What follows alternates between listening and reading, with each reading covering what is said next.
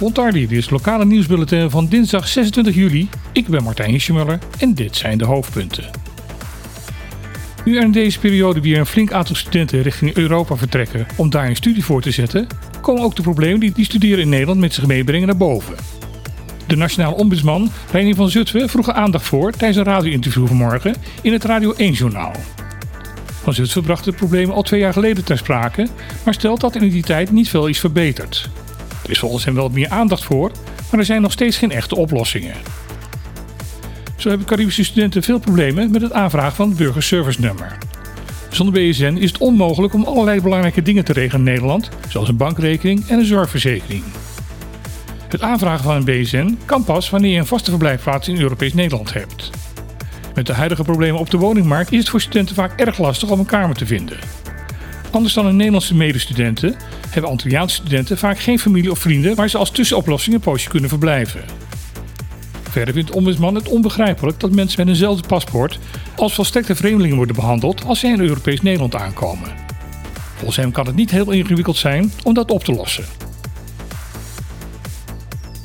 Via een zogenaamde internetconsultatie krijgen bewoners van Caribisch Nederland de gelegenheid om een mening te geven over een wetsvoorstel betreffende sociale zekerheid op de drie eilanden. Dat heeft minister Carola Schouten van Armoedebeleid gezegd. Volgens haar zijn er meerdere wijzigingen in de wet en regelgeving nodig om het sociale zekerheidsstelsel in Caribisch Nederland te moderniseren. In haar voorstellen wordt onder andere de verlofregeling van werknemers uitgebreid, krijgen zwangere zelfstandigen, net als in Europees Nederland, een uitkering gedurende hun zwangerschap en bevallingsverlof.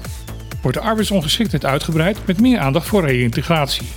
Wordt de dubbele kinderbijslag van ouders van kinderen met extra zorgbehoeften structureel geregeld en zal er een werkloosheidsvoorziening worden ingevoerd. De Centraal Dialoog en Openbaar Lichaam van de drie eilanden zijn al eerder gevraagd om een feedback op de plannen te geven. Nu wil de minister weten wat de gewone burger van de plannen vindt. De consultatie te vinden is op www.internetconsultatie.nl en daar zoeken op Caribisch Nederland. Het lijkt erop dat het Korps Politie Caribisch Nederland dichtbij de oplossing is van een brutale autoroof. De splinternieuwe auto werd in maart dit jaar ontvreemd uit de showroom van Dabuzi Motors. De eigenaar van het bedrijf heeft daarop een prijs uitgeloofd voor de tip die zou leiden tot aanhouding van de daders. Of er daardoor schot in de zaak is gekomen is niet bekend, maar gistermiddag zijn er een 52-jarige vrouw en een 24-jarige man in deze zaak aangehouden. De politie heeft de zaak nog verder in onderzoek, waarbij andere aanhoudingen niet worden uitgesloten. De cybercrime-afdeling van KPN waarschuwt ondertussen de bevolking van Caribisch Nederland voor smishing. Dit is een vorm van phishing waarbij je niet een mail krijgt met een hyperlink waarop je moet klikken, maar een sms. Wanneer je dat doet, kom je bij een website waarbij je om allerlei gegevens wordt gevraagd.